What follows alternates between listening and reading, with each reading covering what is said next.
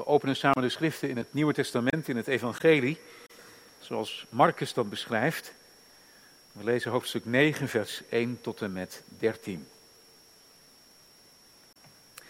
En Jezus zei tegen hen: Voorwaar, ik zeg u dat er sommigen zijn van hen die hier staan, die de dood niet zullen proeven voordat ze gezien zullen hebben dat het koninkrijk van God met kracht gekomen is. En na zes dagen nam Jezus Petrus en Jacobus en Johannes met zich mee en bracht hen apart op een hoge berg, alleen hen. En hij werd voor hun ogen van gedaante veranderd. En zijn kleren werden blinkend, zeer wit als sneeuw. Zo wit als geen wolbewerker op aarde ze kan maken. En aan hen verscheen Elia met Mozes. En ze spraken met Jezus. Petrus antwoordde en zei tegen Jezus: Rabbi, het is goed dat wij hier zijn. Laten we drie tenten maken, voor u één, en voor Mozes één, en voor Elia één. Hij wist namelijk niet wat hij zei, want ze waren zeer bevreesd. En er kwam een wolk die hen overschaduwde, en uit de wolk kwam een stem die zei: Dit is mijn geliefde zoon.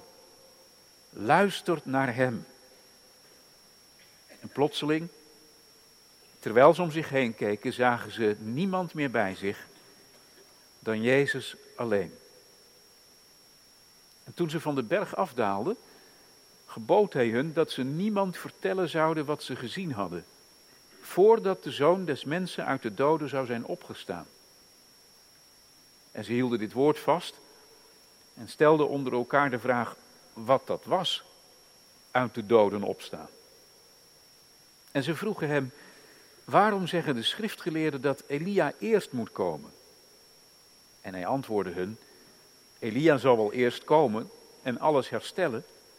En het zal geschieden zoals geschreven is over de zoon des mensen, dat hij veel lijden zal en veracht worden.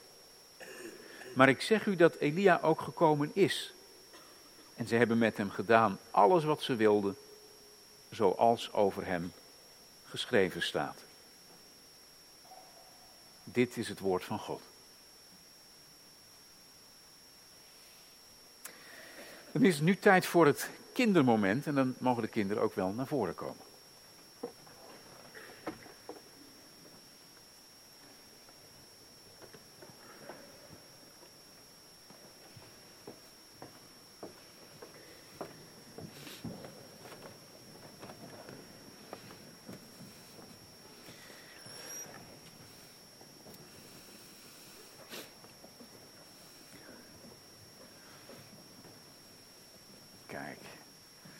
Fijn dat jullie er zijn.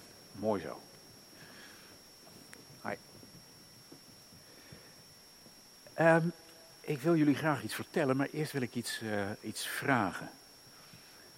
Hebben jullie wel eens dat je ergens bent en dat je denkt, hier wilde ik wel blijven?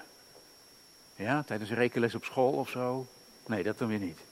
Nee. Eh, kun je eens vertellen, waar wil jij wel eens blijven dan? Klimpark. Klimpark. Dat is leuk, hè? En, en jij? Bij Balorig. Ja, dus dat, eh, vooral plekken waar je, waar je lekker kunt spelen en zo. Ja. hey, nou hebben we net gelezen over ehm, de Heer Jezus en, en, en drie uh, discipelen. En Petrus die wilde ook wel blijven. Hebben jullie dat gehoord? Ja, heb jij het gehoord? Nou, dat vind ik knap. Maar waar wilde hij blijven dan? Ja, dat ben je vergeten. Ja, dat snap ik wel. Het zou ook heel knap zijn als je dat zo ineens uh, had opgepikt. Op de berg. De, de Heer Jezus was daar en, en uh, Mozes was er en Elia. En Petrus vond dat zo'n geweldig moment dat hij zei, laten we hier blijven. En dan maken we tenten voor, voor alle drie. Hoe dan? Had hij dan een tent meegenomen de berg op? Ik denk, het niet. Nee. Maar hij was zo blij. En dat snap ik eigenlijk wel, als je dat opeens ziet. En toen, toen gebeurde het een en ander, daar gaat het in de preek nog wel over. En toen waren Mozes en Elia weg. En toen was Jezus alleen overgebleven. Dat is wel jammer zeker, of niet? De Heer Jezus alleen, niet meer Mozes en Elia. Ja, jammer. Ik denk, Ik denk dat het helemaal niet jammer is. Dat het eigenlijk geweldig is. Als nou de Heer Jezus alleen overblijft, ook voor jullie. Wie is er nou het belangrijkst? Mozes of, Eli of Elia? Nee, de, de Heer Jezus is het belangrijkst. Dus als de Heer Jezus overblijft, dan is dat juist goed nieuws. Nou, dan gaan we samen ook over zingen. Een, een, een mooi lied. Ik heb Jezus nodig heel mijn leven.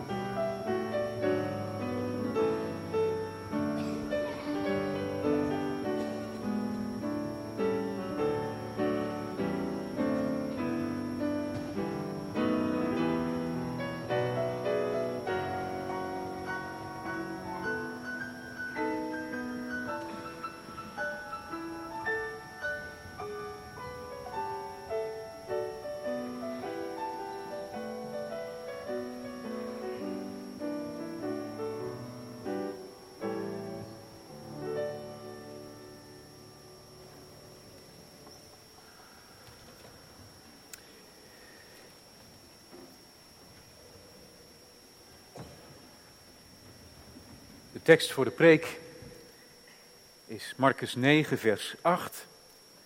En dan specifiek. Ze zagen niemand meer bij zich dan Jezus alleen. En laten we nu eh, allereerst nog zingen uit Psalm 126. Psalm 126 is een, een danklied na de bevrijding van de ballingschap, eh, waar ook nog weer wordt gebeden opnieuw om een omkeer na de gevangenschap. En er zit een perspectief in van hoop. Psalm 126 zingen we als inleiding op de verkondiging.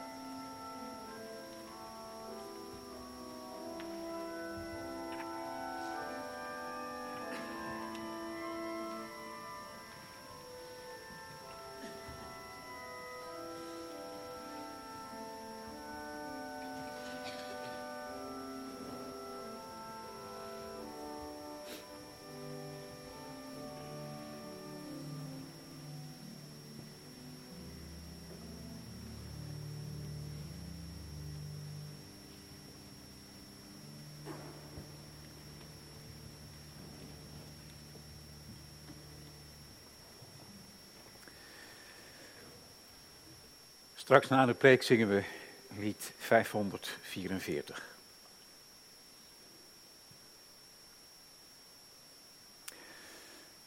Gemeente, het komt wel eens voor, een topervaring.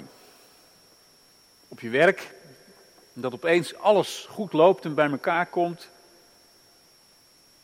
Of in je persoonlijk leven, dat het goed gaat. Of denk aan die uh, geweldige vakantie, waar je dan in die donkere dagen die we achter ons hebben zo aan terug kon denken. Aan dat strand in de zon, of een prachtige stadje.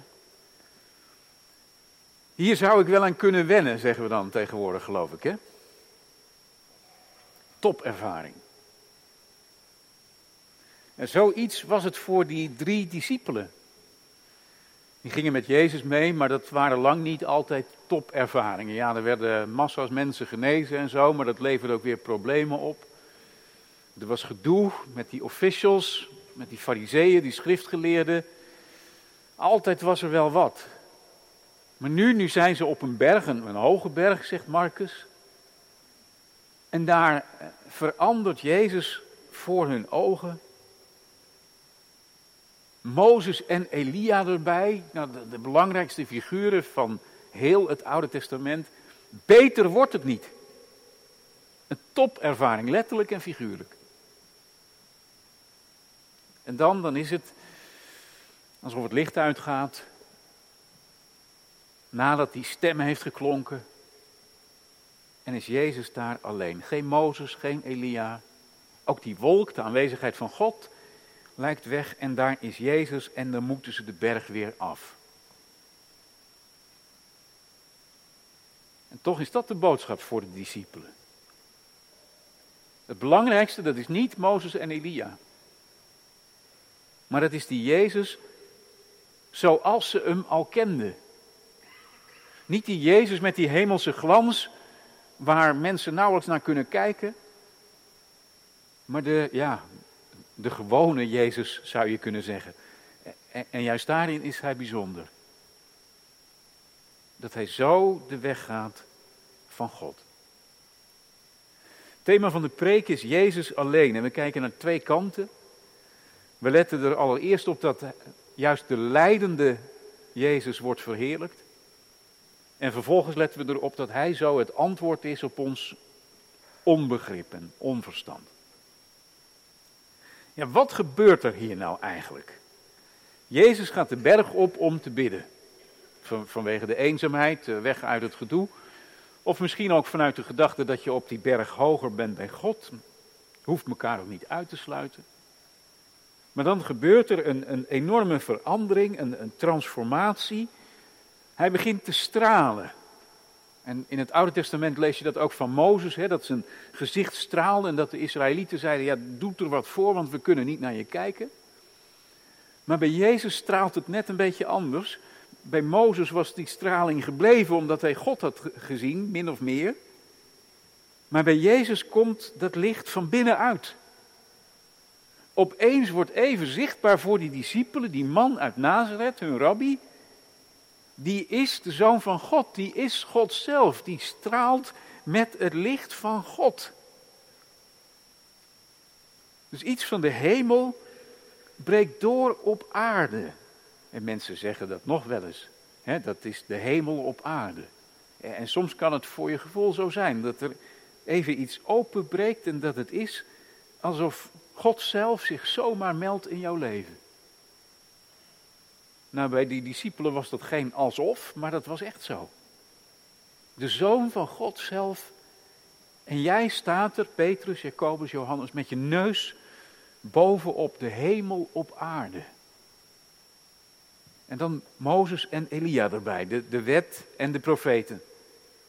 Daar heb je zo ongeveer het hele Oude Testament. En die beiden, die werden ooit op een heel bijzondere manier weggenomen. Hè?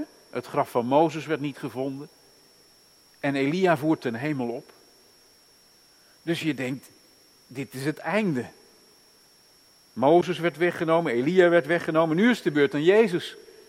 Hij heeft zo Gods wil gedaan dat hij opvaart ten hemel, maar dat, dat gaat nog even duren. Voordat Jezus opvaart ten hemel, heeft hij nog wat te doen. Dit is niet het glorieuze einde van Jezus, maar de taak die hij gaat doen, zonder dat je die glorie er nou aan kunt afzien, dat is de heerlijkheid van God. En vandaar dat het er ook zo nadrukkelijk staat. Marcus heeft het mogelijk uit de mond van Petrus zelf opgeschreven. Dat zegt de traditie, hè, dat de link tussen Marcus en Petrus nogal nauw was. Plotseling, terwijl ze om zich heen keken, zagen ze niemand meer bij zich dan Jezus alleen. En wij zien geen verschijning van Mozes en van Elia. Wij zien ook niet die, die transformatie van Jezus, dat hemelse licht. Maar die Jezus, zoals hij het dal weer ingaat, zoals hij de weg gaat van lijden, dat is de Jezus die ons ook wordt verkondigd. Vergis je niet, hij is de zoon van God. Maar de grootste heerlijkheid ligt in de weg van het lijden. Marcus begint met te zeggen dat het na zes dagen gebeurde. En eh, Marcus, dat is het kortste evangelie, die heeft altijd een beetje haast. Die is een beetje zuinig met dat soort tijdsaanduidingen. Doet hij eigenlijk alleen in de lijdensgeschiedenis. En dit is dus ook de lijdensgeschiedenis. Hier gaat het om. Het is in de context van het loofhuttenfeest. Dan woonden de mensen buiten, hè, onder, in zo'n loofhut. En het idee was dat je dan dacht aan de tocht uit Egypte onderweg naar het beloofde land. En dat je besefte, wij moeten het ook hebben van zo'n uittocht. Uittocht uit de zonde, uittocht uit de ellende naar het beloofde land van God. Wij zijn onderweg. En Mozes en Elia, als ze aan Jezus verschijnen, je leest dat bij Lucas, spreken ze ook met hem over zijn exodus, over zijn uitgang, over zijn einde, over hoe hij deze wereld zou verlaten. En zijn exodus, dat is een weg van lijden.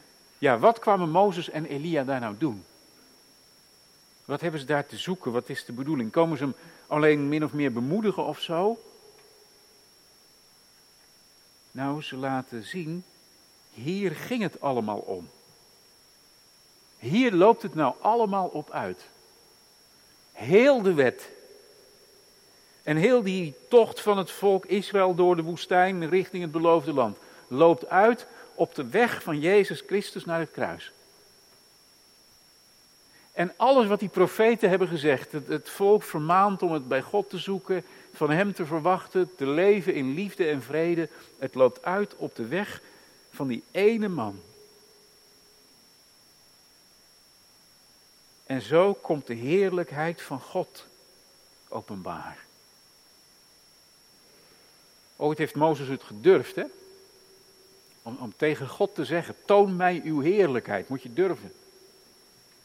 En hij kreeg er maar een heel klein beetje van te zien. Want God hield van Mozes als van een vriend. Maar Gods heerlijkheid zien, ja, daar kun je niet tegen, daar kun je niet blijven leven. En iets van die heerlijkheid, die wordt hier nou zichtbaar in Jezus, in die verandering. Je ziet het, dit is niet alleen maar zomaar een mens, maar dit is God met ons. Waar is God? Ja, je denkt uh, in, in, die wolk die dan verschijnt en waaruit die stem klinkt, hè? Dit is mijn geliefde zoon, luister naar hem. Daar is God. Voor ons verborgen. Maar ik denk dat het evangelie ons wil leren in die eenvoudige Jezus die mens. Daar is God. Verborgen. Ja, maar niet hoog, ver weg, ergens achter een wolk of zo, maar verborgen in het menselijke vlees. Zo is God. Bij ons. Zo is God. Voor ons. Zo is God tot in de dood aan het kruis om mensen te redden.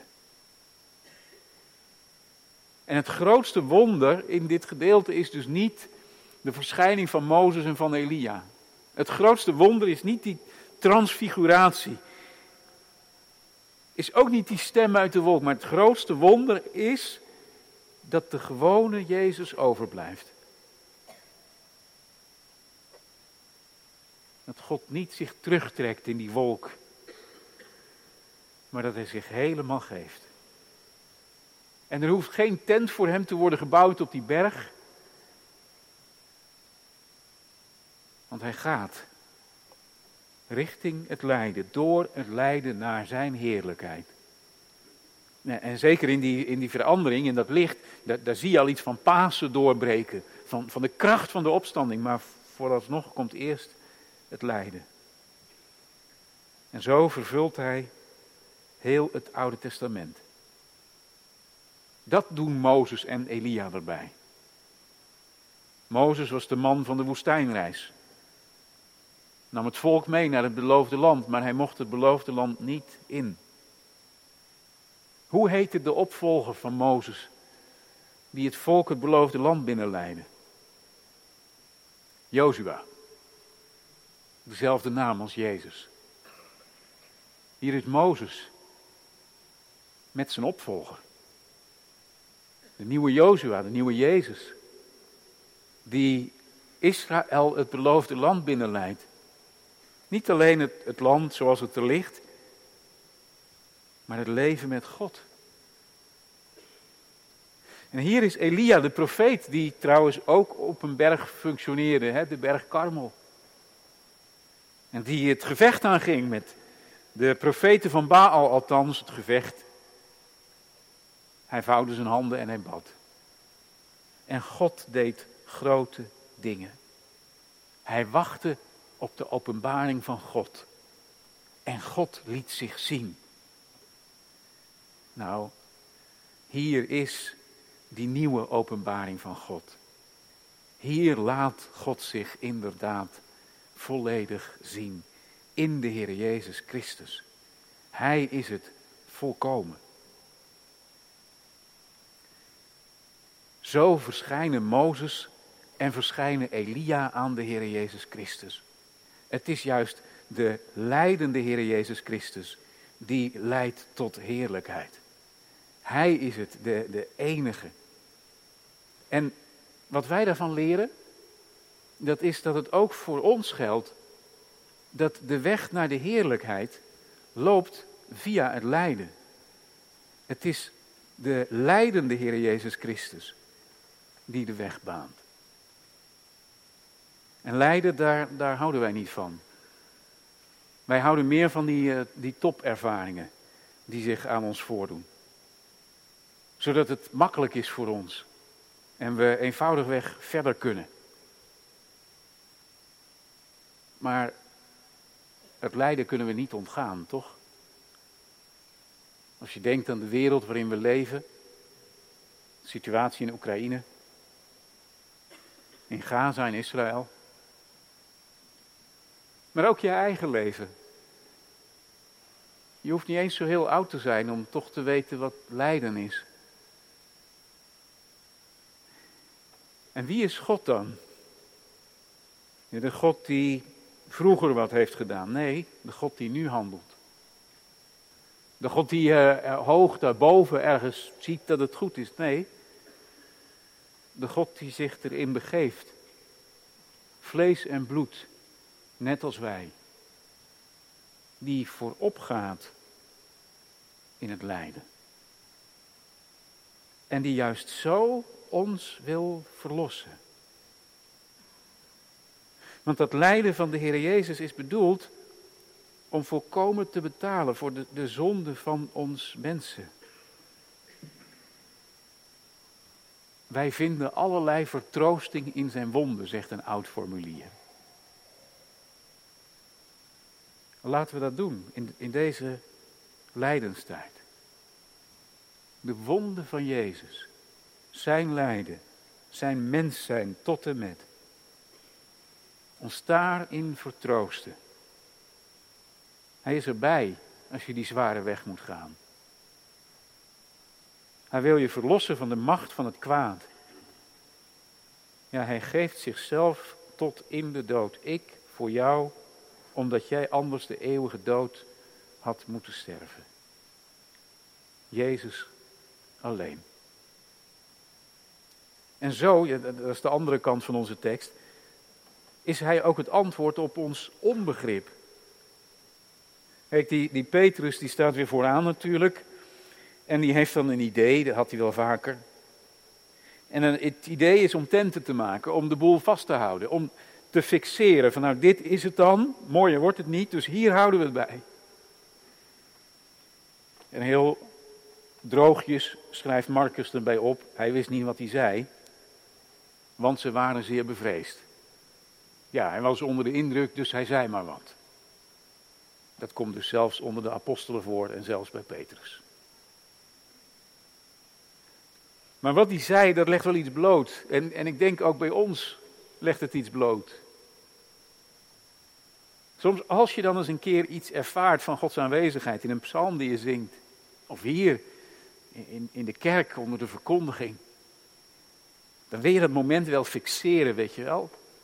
Niet loslaten, maar het glipt je ook zo weer door de vingers. En dat is ook goed. Want je moet ook weer verder. Hang niet aan die topervaring. Veel mensen zijn er wel op uit hè, en er worden complete uh, christelijke conferenties belegd. Niet dat ik daar nou iets lelijks van zou willen zeggen hoor vanochtend, maar, maar, maar, die er wel op gericht lijken te zijn af en toe. Dat je, dat je iets heel bijzonders ervaart, weet je wel. En dat God er weer helemaal is voor je dan. Nou ja, dat, dat kan zo zijn. En dat is mooi natuurlijk. Maar je moet altijd ook weer het dal in. Op bergen en in dalen. Overal is God. En het kostbaarste wat je leert, dat is niet altijd op die momenten dat je zo ervaart dat God erbij is. Soms ook op die momenten dat je het niet meer hebt, niet meer weet. Dat voelt niet fijn. Maar dan leer je soms de diepste lessen. Kijk, Petrus die zegt hier maar wat.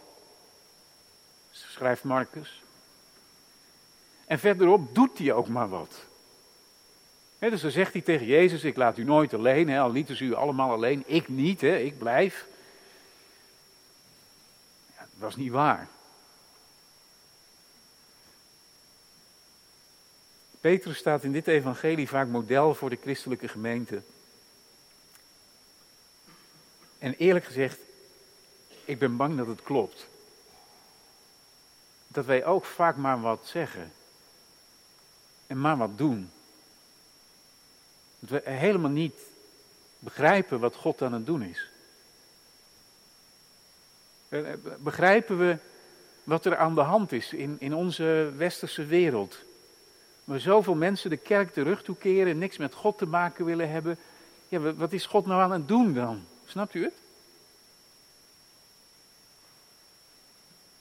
Ja, we, doen maar wat, we zeggen maar wat. We tasten maar wat. Als we dat maar doen, dicht bij Jezus Christus.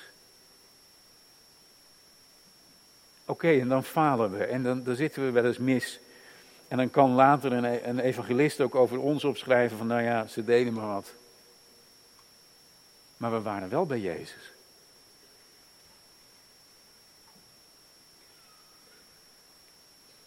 Ik bedoel, dit er wordt soms zo hoog opgegeven van het christelijke leven. Weet u wel, dat je, leer je zoveel en, en, en je groeit zo hard en zo. Maar eigenlijk modderen we maar een beetje aan. En het is eigenlijk nooit anders geweest.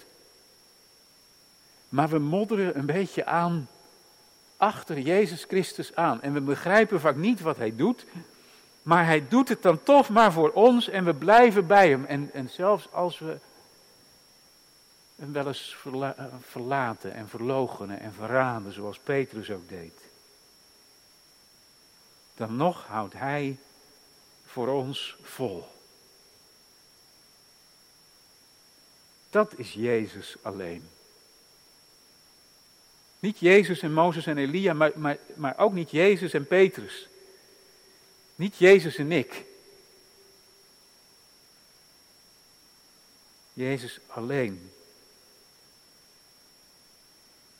En dat betekent dat we vaak een beetje tasten in het duister en niet weten onze weg te vinden.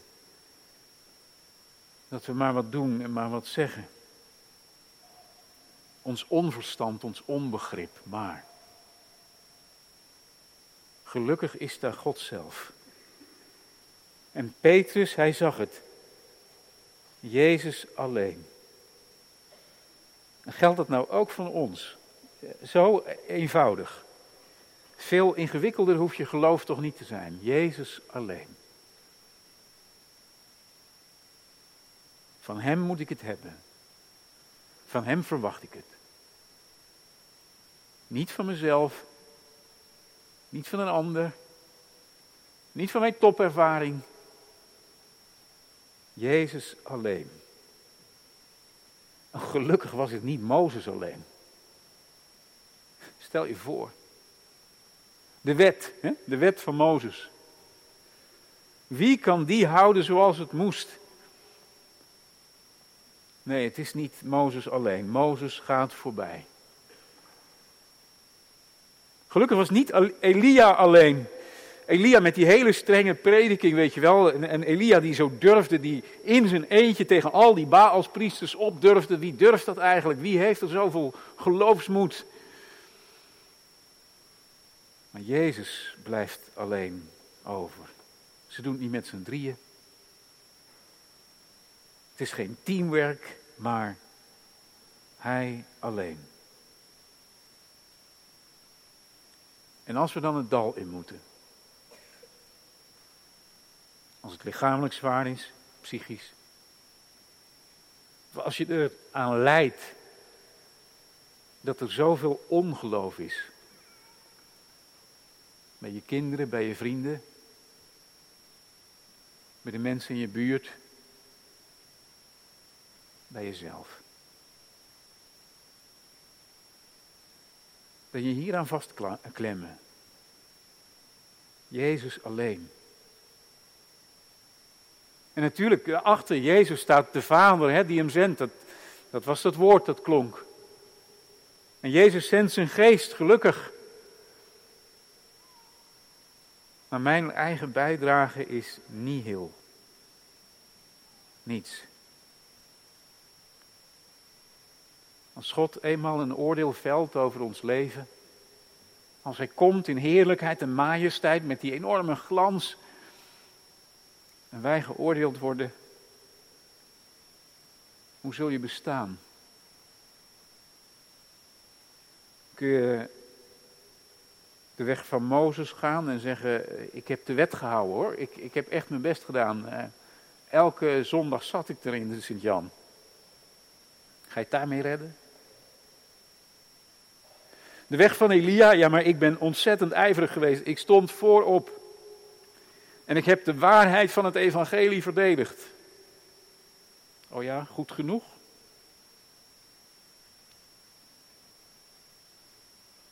Of zal het in het oordeel zijn Jezus alleen? Hij heeft voor mij de prijs betaald. Hij heeft voor mij de weg gebaand. Hij heeft mijn weerstand overwonnen. Hij heeft mijn hart vervuld met zijn geest. Hij maakt dat ik hoop op de komst van Gods Rijk.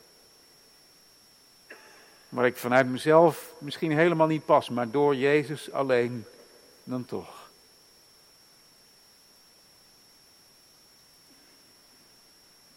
Zover is het nog niet, dat oordeel. En voordat het zover komt, ja, is ons een weg van lijden beloofd. Een dienstknecht is niet meer dan zijn heer. De meester moest lijden en voor ons wordt het ook een pijnlijk proces.